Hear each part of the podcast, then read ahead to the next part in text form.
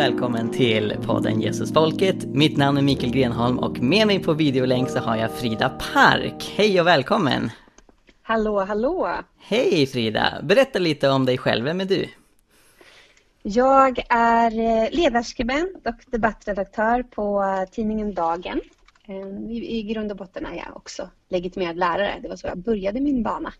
Och nu jobbar jag på tidningen Dagen. Jättekul jobb. Vad roligt att få vara med. Ja, det är jättekul att du är med. Eh, vi hade Joel Halldorf i ett tidigare avsnitt så nu betar vi av ledarredaktionen ja. på tidningen Dagen. Det känns jättekul. Kul. Ehm, men eh, jag har bjudit in dig för att delta i ett samtal om den bön som, nej inte den bön, den debatt om bön som du har varit involverad i eh, som har pågått de senaste veckorna. Eh, som tog sin utgångspunkt i något som eh, den kristdemokratiska riksdagsledamoten Roland Utbult sa till flera olika medier angående att han tack och lov tillfrisknade från covid-19 trots att han mm. låg väldigt nära döden. Eh, mm. Och det satte igång en debatt utifrån att eh, eh, ledarskribenten Saba Perlenberg på Göteborgs-Tidningen eh, hade invändningar mot det Roland Utbult sa. Eh, och jag tänker att, att, vi kan egentligen ta utgångspunkt i, i Roland Utbults egna uttalanden och sen försöka packa upp vad, vad är det som har hänt sedan dess.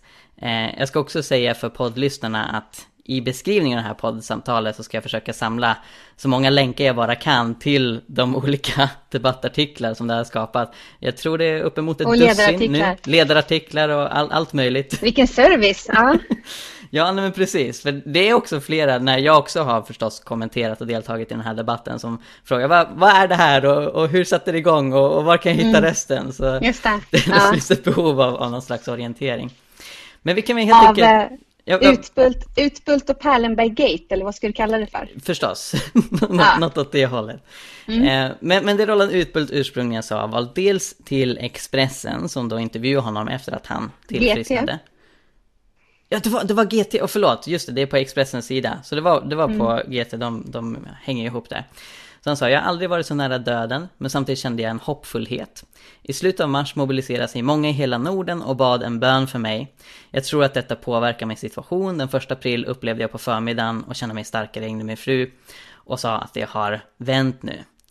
Mm. Eh, och sen eh, i anslutning till det tidsmässigt så intervjuas hon också i DN.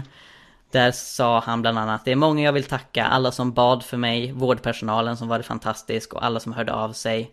Eh, och så skriver mm. DN, den kristna tron har stor betydelse för Roland Utbuld. Och på sjukhuset återvände han till bibelord som ingav lugn och hopp.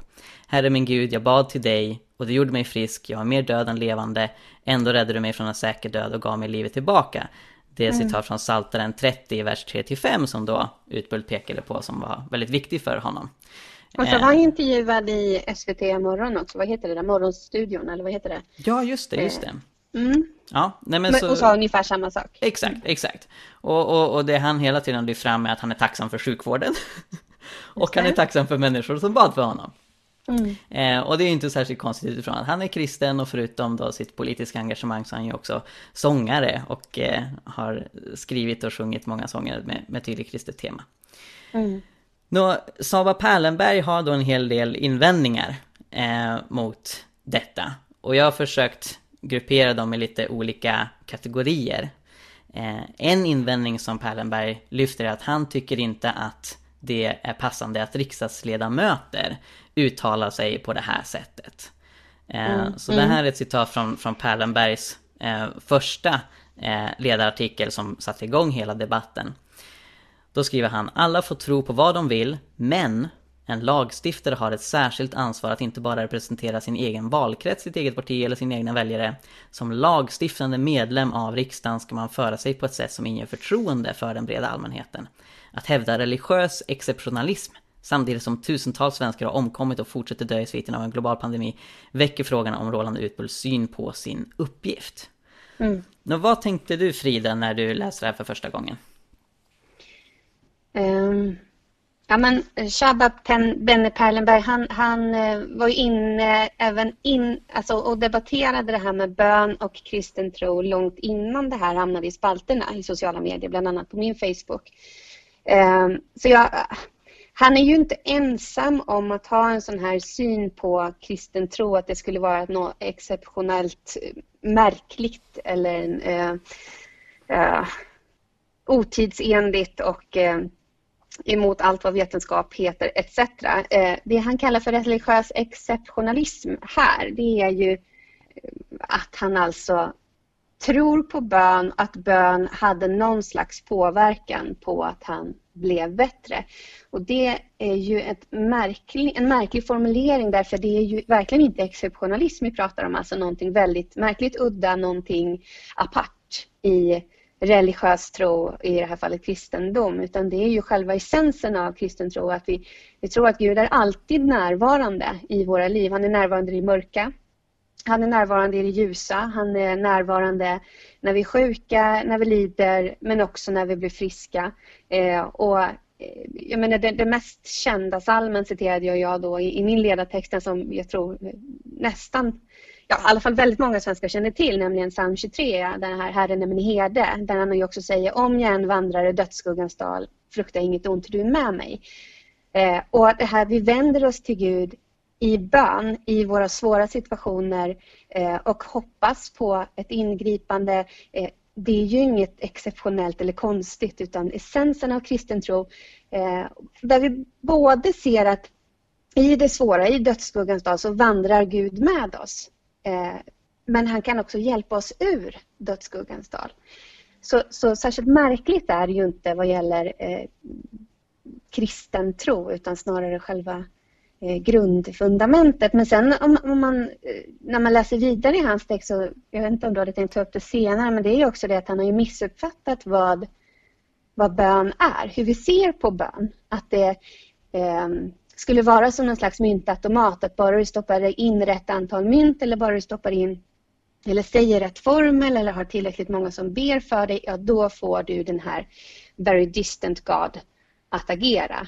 Eh, och det är ju en syn han, eh, han delar med extrema framgångspredikanter. Eh, jag tänker på Vision Norges amerikanska predikant eh, som ju blev väldigt uppmärksammad. Han sa att om du betalar 2020 eller 2020 kronor till Vision Norge så kommer du vara beskyddad mot corona. Det är ju bara nonsens och nys och verkligen ingenting som som liksom kristen tro står för. Det är ju charlataner och, och att man kan inte ta ett sånt ut, eller alltså man kan inte ta den synen på bön som Per Lemberg gör och säga att det här är kristen tro. Så här ser kristna på det här. Och det är inte heller det, och det är viktigt att slå fast, som Utbult säger eh, på, på något vis, utan det är fjärran ifrån det. Eh, när han både då tackar eh, medicinvetenskapen, alltså vårdpersonalen också, och de som har bett. Det ligger väldigt nära detta att, att eh, Gud också använder sig av läkarvetenskapen. Eh, och det, det, är ju vad kristen tro alltid har anfört. Det är därför vi startade de första sjukhusen. Det är därför väldigt många kristna engagerar sig och utbildar sig till, till eh, vårdyrken etc. Därför att vi tror att Gud använder sig av vårt immunsystem, han använder sig av mediciner, han använder sig av forskning eh, och, och det är inget märkligt. Men det är klart att vi har ju misslyckats här tänker jag Mikael, mm. du och jag och alla andra. Eh, att här har de ju fått svensken då, sekulariserade svensken som också predikar det sekulära samhället, det kan vi återkomma till, har ju en bild av kristen tro utav bön och hur Gud relaterar till oss här i världen som är fjärran ifrån den vi själva står för och tror på. Och där har vi faktiskt ett ansvar att markera och att säga hur det egentligen är. Och jag tänker ta större plats. Mm. Och vi behöver eh, ta, ta det ansvaret och motverka det. Vi behöver markera mot charlataner. Vi behöver också markera mot liberaler. Eh, och andra ska inte bara säga att det är liberaler utan det kan ju poppa upp. Jag fick ju också ta eh, Mike Pence eh, expertgrupp eh, i Vita huset i försvar gentemot eh, bland annat Robert Aschberg som menade att det var hutlöst att de började sina möten med att böja huvudet och be. Eh, och buntade ihop detta med charlataner då, de som absolut inte vill tro på vetenskap utan enbart vänder sig till något mysko, någon högre makt eller så. Så det finns ju alla läger. Det jag skulle säga är att vi behöver även markera där. Mm. Vi behöver sprida kristen tro men vi behöver också markera mot de avarter som finns och säga ifrån att nej men hej, ni har faktiskt missuppfattat helt här. Mm. Nej men ja. precis och, och alltså det är ganska lätt att, att börja med att påpeka Perlenberg har inte gjort sin homework Eh, han har uppenbarligen inte koll på teologi, som du säger, hur, hur kristna tänker kring bön.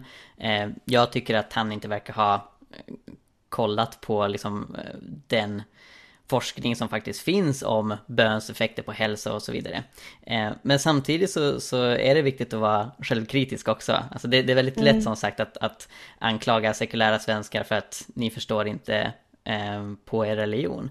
Mm. Men det är ju i, i grund och botten eh, kristnas uppgift att kommunicera det. Yep. Sen så finns det ju också ett ansvar hos eh, skolorna, religionsundervisningen ja, som jag tror både du och jag tycker är bristfällig på många sätt. Ja, ja men absolut. Och jag är ju också legitimerad lärare så det där är en hjärtefråga för mig, absolut. Eh, mm. Vi, det är ju bara att se den här senaste rapporten som kom från SKR med eh, utsatta kristna elever om hur man undervisar om kristen tro som någonting apart, någonting eh, vad är det de säger, det kanske du har koll på, citatet, det finns någon så här Eh, ja, hur som helst, just naturvetenskap och religionskunskap, de lärarna som ändå så på något sätt ska ge en rättvis bild av hur tro och vetenskap kan, kan fungera. Eh, tvärtom sprider rejäla fördomar och hur detta då drabbar eh, kristna elever där och då men såklart så fortplantar sig ju det här eh, i, i gemene svensks medvetande att att religion och, och, tro skulle vara någonting apart och någonting som är oförenligt med eh, synen på vetenskap. Mm. Och det är ju allvarligt. Eh, så ja, är det. Nej, verkligen. Eh, Pallenberg verkar ju mena att eh, just riksdagsledamöter inte ska göra ett sånt här uttalande. Eh, mm. Och det, det, är det som han har ett stort problem med. Eh, det verkar som att han tänker sig att i och med att det finns så många i Sverige som inte är kristna så finns det ett problem med att eh, Roland Utbult i egenskap av, av riksdagsledamot går ut så tydligt och, och tackar för förböner. Eller läser jag honom fel där? Va, vad tänker du? Jag har inte tänkt riktigt så. Är det det du menar att, att eh, eftersom det är så få som tror som Utbult så skulle det vara religiöst eller religiös exceptionalism då, eller hur tänker du? Ja, alltså han skriver ju En lagstiftare har ett särskilt ansvar att inte bara representera sin egen valkrets, sitt eget parti eller sina egna väljare. Som lagstiftare medlem av riksdagen ska man föra sig på ett sätt som inger förtroende för den breda allmänheten. Eh, Jaha, och, och just det. Och då menar han att en tro på eh, en kristen gud som eh, svarar på bön eller eh, kan utföra mirakler skulle vara då något som inte är förtroendeingivande. Jag, jag läser honom så. Ja men absolut, det håller jag med om. Då förstår jag vad du menar. Mm. Och det i sig är ju en uppfattning som dels är illiberal eh, och dels djupt odemokratisk. Oh. Eh, ja, men det, Utveckla det, hur det, du tänker. Nej men eh, liberaler anför och ibland också man sätter likhetstecken mellan liberalism och tolerans. Mm. Eh, och att man där också har Eh, så att säga, har ett särskilt ansvar för att de religiösa minoriteterna ska få utöva sin tro eh, i frihet eh, och att det är en demokratisk rättighet. Och att då anföra att en kristen riksdagsledamot oavsett om det skulle vara då en minoritetsuppfattning eller en majoritetsuppfattning. Det beror ju på lite grann vilket sammanhang vi pratar om, eh, huruvida kristen tro är det i Sverige. Men att det då skulle vara någonting som är djupt problematiskt, icke förtroendegivande, något som inte bör förekomma i riksdagen. Då är vi inne och tassar på saker som blir eh, djupt odemokratiska. Så det, det står jag för. Eh, det är väldigt problematiskt. Och för att då använda, det är inte, jag ska ju säga det, det är absolut inte bara kristna som har reagerat på Perlenbergs uttalanden. Utan det finns ju också liberaler som har markerat och sagt att men vänta, här har du fel. Så här kan man inte uttala sig utan det är liberalt att stå upp för religiösa minoriteters eller religiösa överhuvudtaget mm. rätt att tro, predika sin tro, vara demokratiskt valda etc. Eh, så, så det finns ju en kritik från flera håll. Samtidigt så måste jag säga då, när vi ändå håller på att prata om det här, att samtalet är bra att han aktualiserar, alltså mm. Perlenberg, att han tar upp det här. Därför att eh, religionens plats i samhället är väldigt aktuell och eh, kontraktet mellan så att säga, staten och kyrkan, staten och Eh, de kristna, kristendomen är ju hela tiden under omförhandling. Och att då få diskutera de här frågorna och hur vi egentligen ska förhålla oss till demokratin, till de demokratiska rättigheterna, till, kring religion i samhället, kring kristen tro etc. Det, det är bra, men jag skulle önska att det hade förts utifrån eh, bättre premisser, rättare premisser som alltså inte utgår ifrån en eh, sådan icke-generös syn på kristen tro, felaktig syn på kristen tro och bön. Det gör samtalet svårt. Mm. Eh, men likväl bra. Och jag såg att du i en av dina eller att du också hade noterat det här med eh, P3s tankesmedjan, att de hade tagit upp, ironi eller ej, tagit upp den här, ja. eh, den här frågan om, om Utbult. Och eh, lite kul tycker jag att, att, det, att det tas upp och att det görs en spaning kring det och att även om eh, man liksom eh, ger en drapa åt både Utbult och eh, Shabba Benne Perlenberg så får man ju ändå säga att den största av dessa drapor hamnade ju på hans konto så att säga. Att den här diskussionen som nu mm. förekommer i Sverige det är ju någonting som aldrig skulle kunna hända i något annat land. Därför att det är ju här vi har en slags syn på att ateismen är norm mm. och att kristen tro är det aparta. Religioner kan in, går inte att förena med vetenskap, är någonting märkligt. Eh, och eh, att ateister också är väldigt fokuserade på, fokuserade vid att prata om Gud. Mm. Eh, I negativa ordalag, det vill säga. Och det skulle inte ske i något annat land. Så, och det var en kul spaning tycker jag, för jag håller med om den. Ja, det Frida pratar om här är alltså vad Moa Wallin säger i det senaste avsnittet av satirprogrammet Tankesmedjan i P3. Och här kommer ett litet urklipp från den ranten som Moa delar med sig av.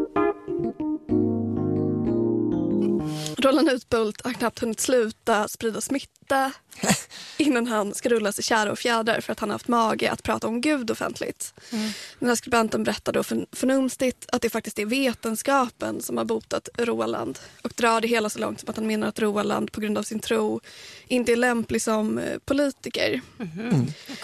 Ursäkta en internationell, men det här är en debatt som bara kan utspela sig i Sverige. För att här är det ateismen som är fanatisk och inte religionen.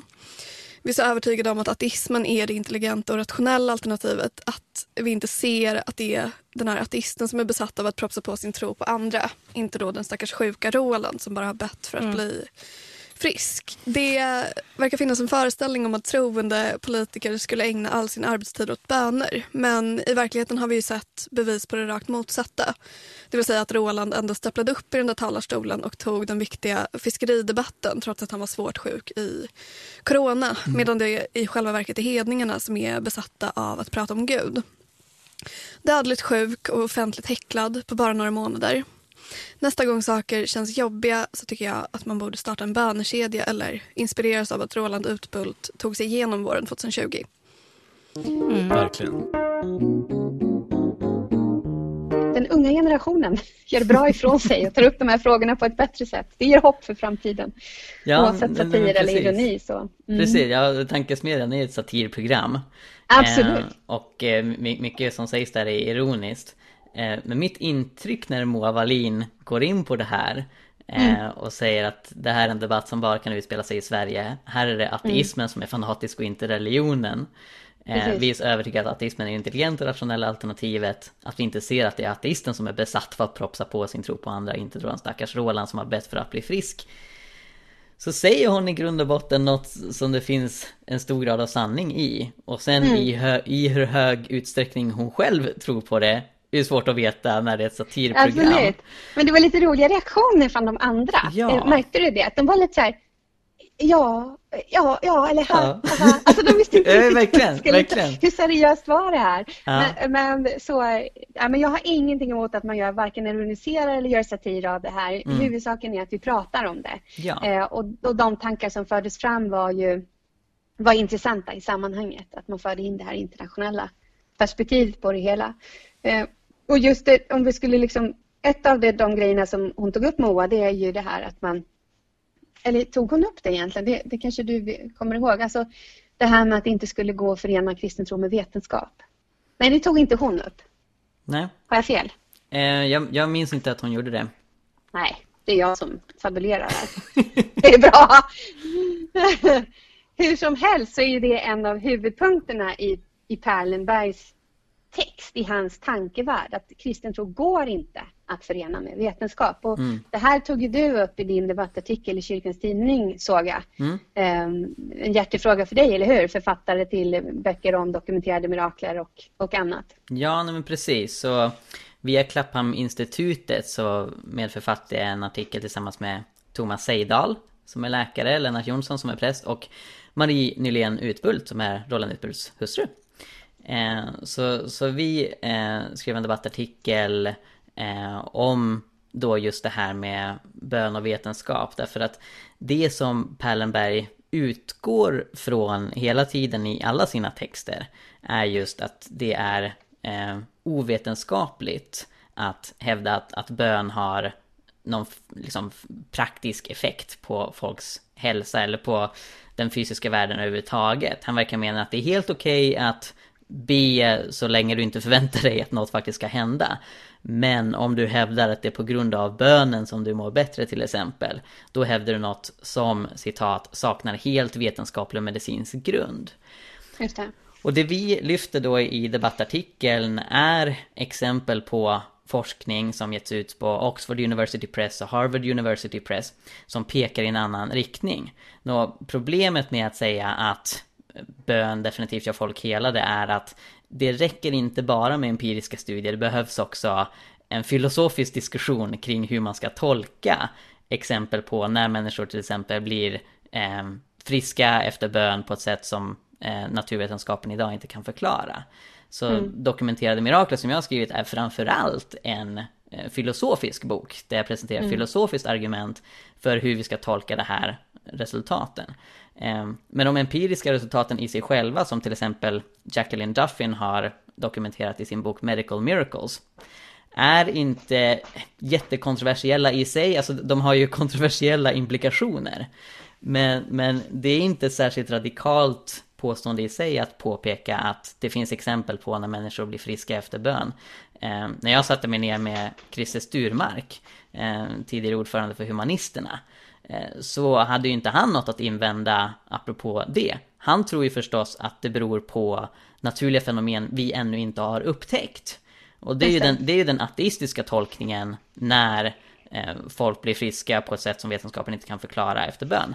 Eh, men det är också en filosofisk tolkning. Och en annan filosofisk tolkning av det är att, att det beror på mirakler.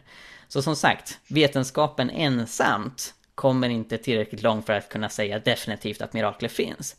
Men jag mm. tror att ett misstag som Perlenberg gör är att han verkar utgå från att vetenskapen definitivt har kommit fram till att bön inte kan fungera. Eh, mm. och, och, och, där är vi inte. Utan det finns mm. faktiskt flera saker som pekar på att det kan ha en effekt. Och sen är ju detta väldigt outforskat. Så det finns ju inte särskilt många studier eh, apropå bön och hälsa, inte minst för att det upplevs som ganska kontroversiellt. Det finns fler exempel på när forskare har försökt stoppa sådana studier för att de anser att det är ovetenskapligt i sig att ens ställa sig frågan om bön kan ha någon effekt på hälsa. Och, och det skapar ytterligare besvär. Så det är mm. ett sätt att, att svara på Perlenbergs invändning att det här skulle vara ovetenskapligt. Både du och även Stefan Gustafsson som också engagerar sig i den här debatten pekar ju också på att det här inte är i grund och botten en, en debatt om mirakler. Utan när vi diskuterar om bön kan ha effekt på att man tillfrisknar så bör man också ha med i bilden att kristna tänker sig att Gud också kan agera i det naturliga, eller hur? Just det. Mm. Ja, men absolut. Och jag, jag, tänker på en sak som eh, Berlemark skriver faktiskt tre texter.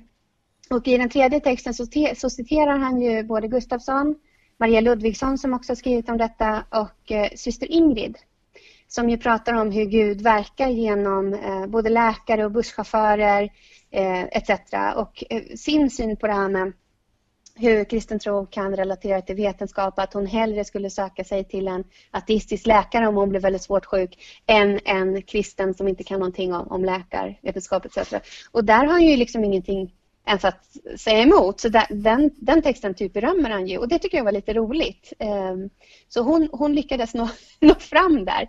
Jag skrev ju en av mina, mina texter att eh, absolut så finns det ju tillfällen då vi ser Guds ingripande klart och tydligt. Det är ju någon slags kristens... Eh, det är självklart för oss att vi gör det. Men som jag också sa, så de allra flesta tillfrisknanden sker ju på naturlig väg. Gud samverkar med vårt immunförsvar. Eh, vi tror ju att han har skapat våra kroppar också. Eh, och eh, att Gud inte skulle kunna gripa in här och nu, det är ju det är också en tro den filosofiska diskussionen du pratar om. Mm, så det är klart, det är ju, det är ett slags paradigm han utgår ifrån då, Perlenberg, att så skulle vara fallet. För att jag har svårt att tro, jag är varken vetenskapsman eller teolog, men att han skulle ha vetenskapliga bevis för att bön inte skulle kunna fungera eller inte hjälpte Utbult i det här konkreta fallet. Det är precis, att... och det är det som ställer till det lite med rubriksättningen. Vilket inte nödvändigtvis Perlenberg själv står för även om han är ledarskribent. det är ju så. Jag, jag vet kan ju... inte skylla folk för rubriker. Ja. Nej, nej, men precis. Men, men, rubrikerna är ju tillspetsade att eh, bön botar inte covid-19 och det finns inga coronamirakler och, och så vidare. Eh, men även i texten så, så eh, verkar han ju som sagt utgå från att det, det vetenskapliga förhållningssättet är att anse att bön inte kan ha någon praktisk effekt annat än möjligtvis eh, liksom, psykologisk. Eh, och, och, det är att gå för långt. Eh, vetenskapen mm. i sig är väldigt agnostisk när det gäller det. Utan det, det handlar om att tolka Men saker inte det som händer också, i världen. Mikael, det är väl också ett, ett, ett, liksom, ett exempel på det här tron att det går inte att kombinera kristen tro med vetenskap. Alltså det, det är bara en, en förlängning av detta som vi pratade om för en liten stund sedan. Eh, så är det inte så konstigt att man, att man tror att det inte skulle kunna fungera med bön. Nämligen att kristen tro går inte att kombinera med vetenskap. Eh, och det är ju en ganska så historielös syn. Eh, man har kanske inte riktigt koll ja. på, på forskare i forskarvärlden, framgångsrika sådana. Eh, inte bara nu utan också historiskt som har en, en kristen tro. Nej men precis, och det knyter an till det vi nämnde tidigare om, om eh, utbildningsväsendets roll i hela. Den mm. bild som jag själv fick när jag gick i skolan var att vetenskap är ett ateistiskt projekt. Så det var först mm. med upplysningen när vi gjorde oss av med religion i samhället som vi blev vetenskapliga. Och som du säger så stämmer ju inte det utan vetenskapen la, alltså fick sin grund av kristna vetenskapsmän redan på 1500 och 1600-talet. Och även mm. när Alltså när upplysningen slog igenom så var det ju först och främst deism som blev populärt. Sen kom ateismen i ett senare skede. Eh, mm. Och även om förstås de också engagerar sig i vetenskapen så går det inte att säga att, att vetenskap och kristendom eh, är varandras fiender. Utan det, det är framförallt kristna som har byggt upp eh, den vetenskapliga infrastruktur som vi fortfarande använder oss av. Och det är också något som jag påpekar i Dokumenterade Mirakler att det finns en väldigt intressant historisk koppling mellan hur katolska kyrkan började undersöka mirakelpåståenden och hur sen eh, den övriga naturvetenskapen fick eh, en modell som i grund och botten påminner om ett rättssystem. Det här med när en, någon lägger fram en avhandling så ska det finnas en opponent och så finns Just det en jury ja. som bedömer det. Eh, det finns en historiker som heter Simon Dutchell tror jag. Eh, som menar att den modellen verkar ha kommit från hur katolska kyrkan började utvärdera mirakelpåståenden som sen spillde vidare. Eh, mm. Så det finns många sådana intressanta kopplingar mellan hur mm. Just en kyrklig institution börjar med någonting som sen tas över som en vetenskaplig praxis. Och så glöms historien bort. Ja, exakt, exakt. Mm. Um, no, Perlenberg lyfter ju också som vi har varit inne på eh, det här med de som inte blir friska från covid-19, de som faktiskt dör. Och det är över 3000 nu som har dött av sjukdomen i Sverige. Eh, han menar att eh, det, det, är logiskt nödvändigt Eh, den, den enda logiska uttolkningen av Roland Utbults påstående att han är tacksam för folk som har bett för honom, det är att de som faktiskt dör av sjukdomen fick för lite bön.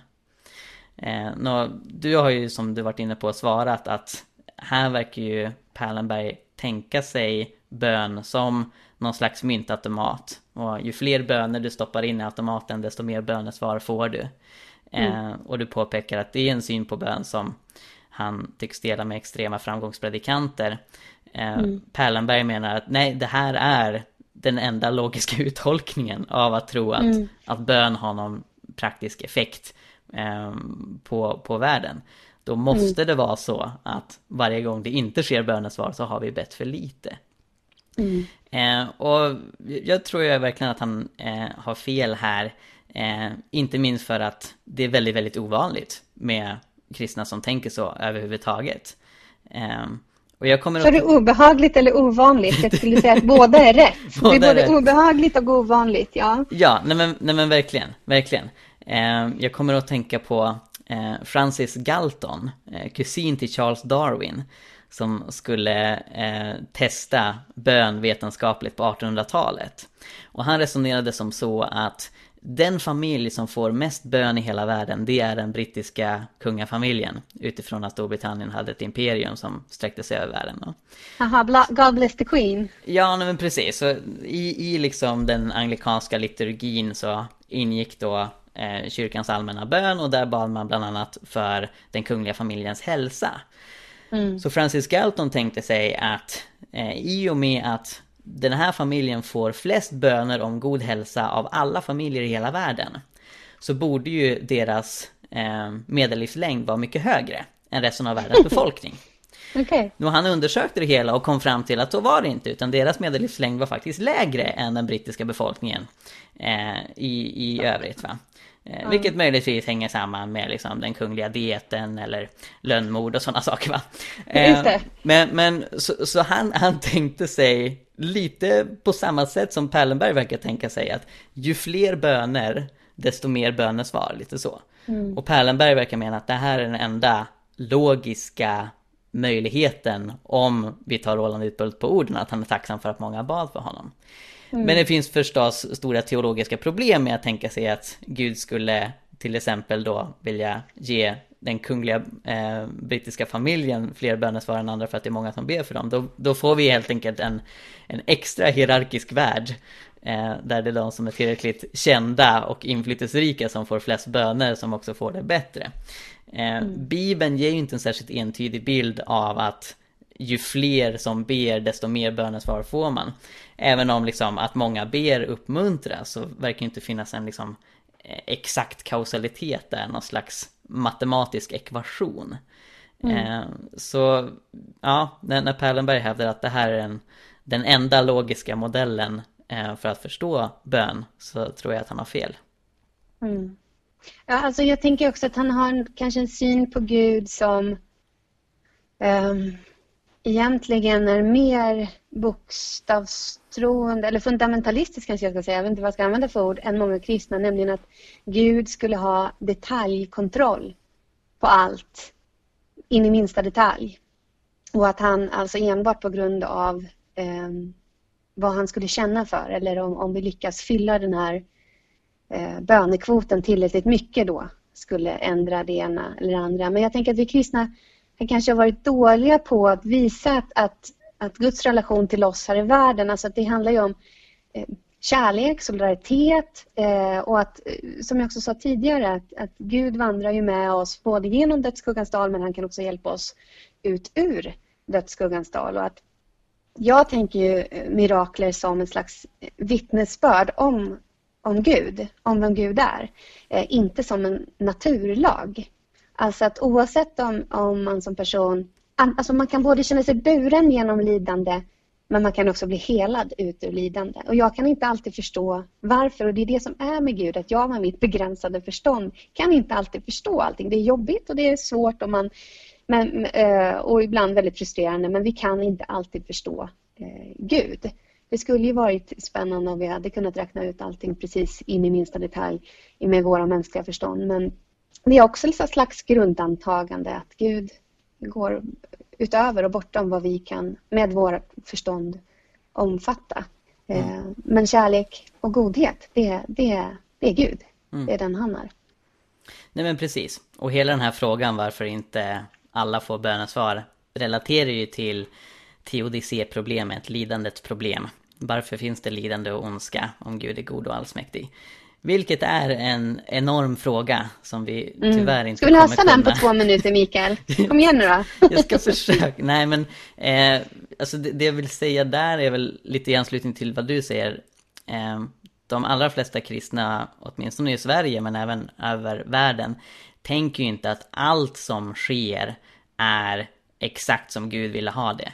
Eh, utan att det finns olika krafter i tillvaron och Gud kommer ultimat segra, Gud har kontroll. Men när väldigt hemska, ondskefulla, syndfulla saker sker så är det på grund av att det finns fler viljekrafter eh, i världen än Guds. Inte minst våra egna och de flesta kristna tror jag också på mörka andliga krafter som också kan liksom påverka den här världen. Eh, så det är inte riktigt så simplistiskt att allt som sker är exakt så som Gud vill ha det. Eh, och det, det är ju bara att skrapa på ytan på, på Men man kanske skulle kunna föreslå för Perlenberg att nästa debatt borde handla om teodicéproblemet istället. Då? Ska vi be honom Nej, det, det, är ju alldeles för svårt kanske att lösa i en enkel liten ledare. Men, men det hade varit spännande med ett samtal eh, på djupet om detta. Ett samtal som har pågått i, i, i sekler, absolut. Och där även kristna eh, har gett många olika lösningar på hur man kan se på det här teodicé-problemet. Ja. Eh, Nej, men verkligen. Inte, ja. Och något som, som eh, jag och Sara också lyfte i vårt samtal med Joel Halldorf för något avsnitt sen är att eh, teodicé-problemet är inte en särskilt vanlig anledning att ifrågasätta Guds existens i länder som upplever ännu mer lidande än västvärlden. Så i Afrika, Asien, Latinamerika så är det väldigt, väldigt ovanligt att folk säger Gud finns inte på grund av det lidande som vi upplever. Trots att det är ofta i de länderna som lidandet är mycket större. Och det är mm. ganska intressant hur, hur det främst dyker upp i samband med den så kallade upplysningen och moderniteten i Europa. Att man just använder lidandets problem som anledning att ifrågasätta Gud. Eh, problemet som teologiskt problem har ju förstås funnits i tusentals år som du är inne på. Mm. Eh, men det är väldigt eh, sällan historiskt som man har angett det som anledning till att ifrågasätta Guds existens. Medan idag så är mitt intryck att lidandesproblem är det första som många ateister går till när de förklarar varför de inte tror på Gud. Och det är också en så här intressant spaning att det som ofta antas som en självklarhet, det här måste ju logiskt leda till att Gud inte finns av väldigt många människor eh, inte upplevs som det. Och det föranleder ju en del ödmjukhet i, i hela den här diskussionen. Just det, ja. Ja, alltså religionens plats i samhället, hur vi ska relatera till Gud i politiken och i offentligheten. Det är ett samtal som kommer fortsätta och som... Eh, men jag tycker ändå att det här i det stora hela ändå är positivt eftersom det på något sätt är också symptom på det som då min kollega Joel, som vi nu har nämnt tre gånger, brukar anföra, nämligen det postsekulära samhället. Att vi, vi är på väg bortom det här eh, sekulära paradigmet, att det är det enda vi har att relatera till. Det börjar ruckas lite på och frågor ställs och när det då skakar så, så rider eh, det sekulära samhällets apostlar ut till, till försvar mot eh, det bygge man har och tror på eh, filosofiskt och ideologiskt. Mm. Eh, så någonting är på gång, någonting händer och samtalet eh, i offentligheten eh, ändras lite. Det tycker mm. jag är väldigt spännande. Ja, verkligen. Och, och själv blev jag lite förvånad när jag såg att eh, Perlenberg, när han delade en av sina artiklar på Facebook, skrev GTs opinionsbildning för ett liberalt och sekulärt samhälle fortskrider enligt plan. Så för honom så, så innesluter han hela den här debatten i en kamp, dels för ett liberalt samhälle, vilket är förståeligt för att han är liberal ideologiskt, men också för ett sekulärt samhälle. Och mm. du var ju väldigt snabb på bollen Frida påpeka att det här låter auktoritärt eller det här förutsätter något auktoritärt. Mm. Något som mm. Perlenberg protesterade en del emot. Eh, jag har mm. inte lyckats hitta konversationen, möjligtvis raderades den men jag för mig att jag såg på Twitter att han protesterade mot eh, insinuationen att han skulle vilja ha Gulag för troende. Eh, och, Mm. och det är förstås inte vad, vad, vad du Nej, nej, anklagar och det är honom ju för. ingen som tror. Däremot så, så är ju det ett illustrativt exempel på alltså att de, de eh, samhällen eller de ideologier som har försökt åstadkomma ett sekulärt samhälle, eh, vilket alltså i praktiken innebär att ateismen är eh, enorm och överhöghet och att eh, tro eh, i alla samhällets Ehm, olika områden är bannlyst till den privata garderoben, till bakom stängda dörrar. Det går inte att åstadkomma utan totalitära metoder. För att eh, tidningen Dagens och min egen syn på eh, sekulär, eh, det sekulära samhället är ju att absolut ska vi ha en sekulär stat. Eh, vi ska inte gå in på det, men det har vi våra konstantinska skäl för. Mm. Eh, vi, men däremot ett sekulärt samhälle där samhället är ju så väsentligen större än själva staten. Det är då vi, vi, vi måste sätta ner foten. Men vänta lite här nu. Då är ju det du pratar om egentligen någonting som inte går att uppnå utan totalitära metoder. Eh, och ibland så tror jag att eh, dessa eh, som då pratar om det sekulära samhället slarvar med begreppen.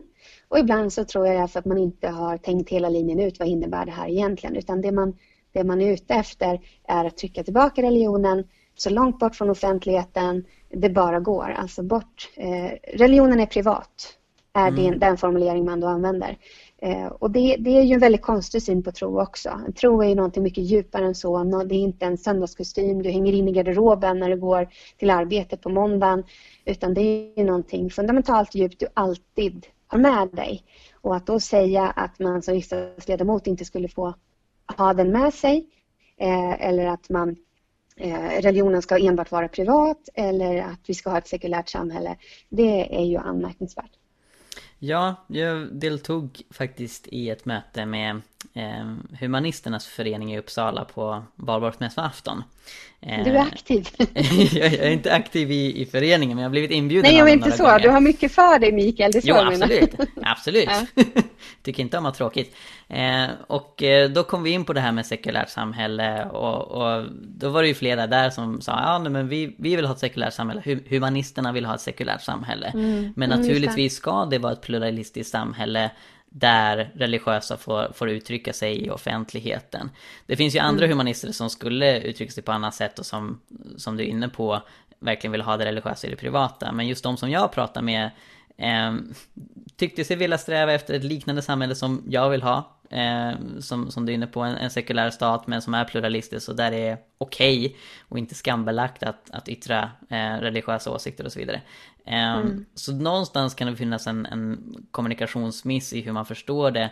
Samtidigt så har jag också sett just när Perlenberg kommenterar vad han menar med sekulära samhälle så säger han nej men jag eftersträvar inte en sekulär stat, det har vi ju redan. Jag vill ha ett sekulärt Ja. samhälle. Ja, det ser han på Twitter. Och, ja. eh, och samtidigt är han ju tydlig med det ska ju vara ett demokratiskt samhälle och naturligtvis ska troende få säga det de vill. Men han vill ändå ha ett sekulärt samhälle och, och det blir lite luddigt vad det är man eftersträvar. Vissa humanister har jag sett det kopplade till liksom kampen mot eh, konfessionella friskolor och sådana saker. Eh, andra kopplar det till att de vill att humanisterna ska ha lika mycket bidrag från staten för, nej, vad heter det, myndigheten för stöd till trossamfund som religiösa trossamfund får. Eh, men det, det behöver konkretiseras och jag som Ja. du tycker att, att hela idealbilden är, är problematisk. Det är bättre att prata om ett pluralistiskt samhälle där olika livsåskådningar får eh, lika mycket plats. Snarare Ja. än att försöka kämpa för det sekulära samhället som i vart fall låter som att religionen ska få en underordnad roll. Och det är förstås vad, vad flera humanister också tänker sig. Ja, absolut. Och även liberaler. Därför att eh, alltså deras, det man utgår ifrån är ju ofta att man eh, kan kombinera då att, liber, att vara benhård. Alltså Fredrik Segerfeldt är en liberal författare och tänkare. Han säger ju så här att eh, som liberal kan man vara benhårt för religionsfrihet samtidigt som man är för offentlig sekularism, laicité. Eller laicité, det är det franska begreppet eh, där man alltså är för att religion eh, ska ha eh, Religion och religiöst inflytande ska vara så litet det bara går i samhället. Och det är ju det man egentligen pratar om. Eh, man vill se så lite av Gud som det bara går. Ehm, så så där, där är ju deras tankefigur. Men, men man kan inte slarva med begreppen så som Perlenberg gör utan att få frågor om ja, men hur i hela friden menar du då?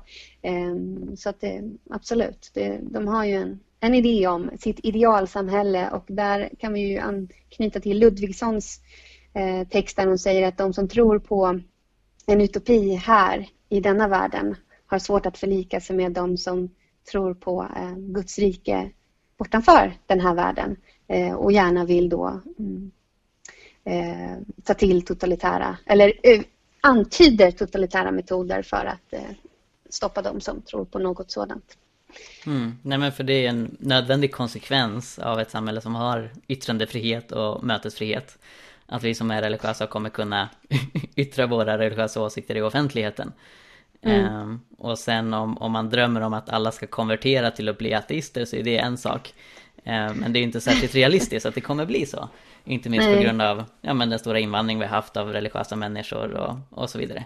Och också av, av det som vi också har lyft i den här podden flera gånger att det verkar finnas ett större intresse för religion nu i samband med coronakrisen. Att det är många som tänker existentiella tankar och, och många som visar ett större intresse för, för Jesus och Gud och kyrka. Så religionen är inte på väg bort, verkar det som. Nej, nej det är så helt klart. Religion är inte på väg bort. Vad fint. Det tycker jag var en fin avslutning, Mikael. Ja. Eh, du, ans du ansluter till min krönika som jag har ute idag om Onkel Tumskruv och mm. Unge Malört ifrån eh, Helvetets brevskola. Just det. De som, Unge Malört eh, jublar ju över att det är krig och tänker att nu vinner väl ändå våran sida. Medan eh, onkel Tumskruv tillrättavisar honom och säger nej, nej dumsnut ungefär. Det är ju under krig och kris som människan skakar sig ur sin vardagslunk och börjar tänka de eviga frågorna och vänder sig till, till våra fiender, himmelriket, gudar ovan. Just det. Så, det är nog ingen slump att de här frågorna aktualiseras i den tid vi just nu är. Verkligen. Frida Park, stort tack för att du var med i Jesusfolket. Tack att jag fick vara med.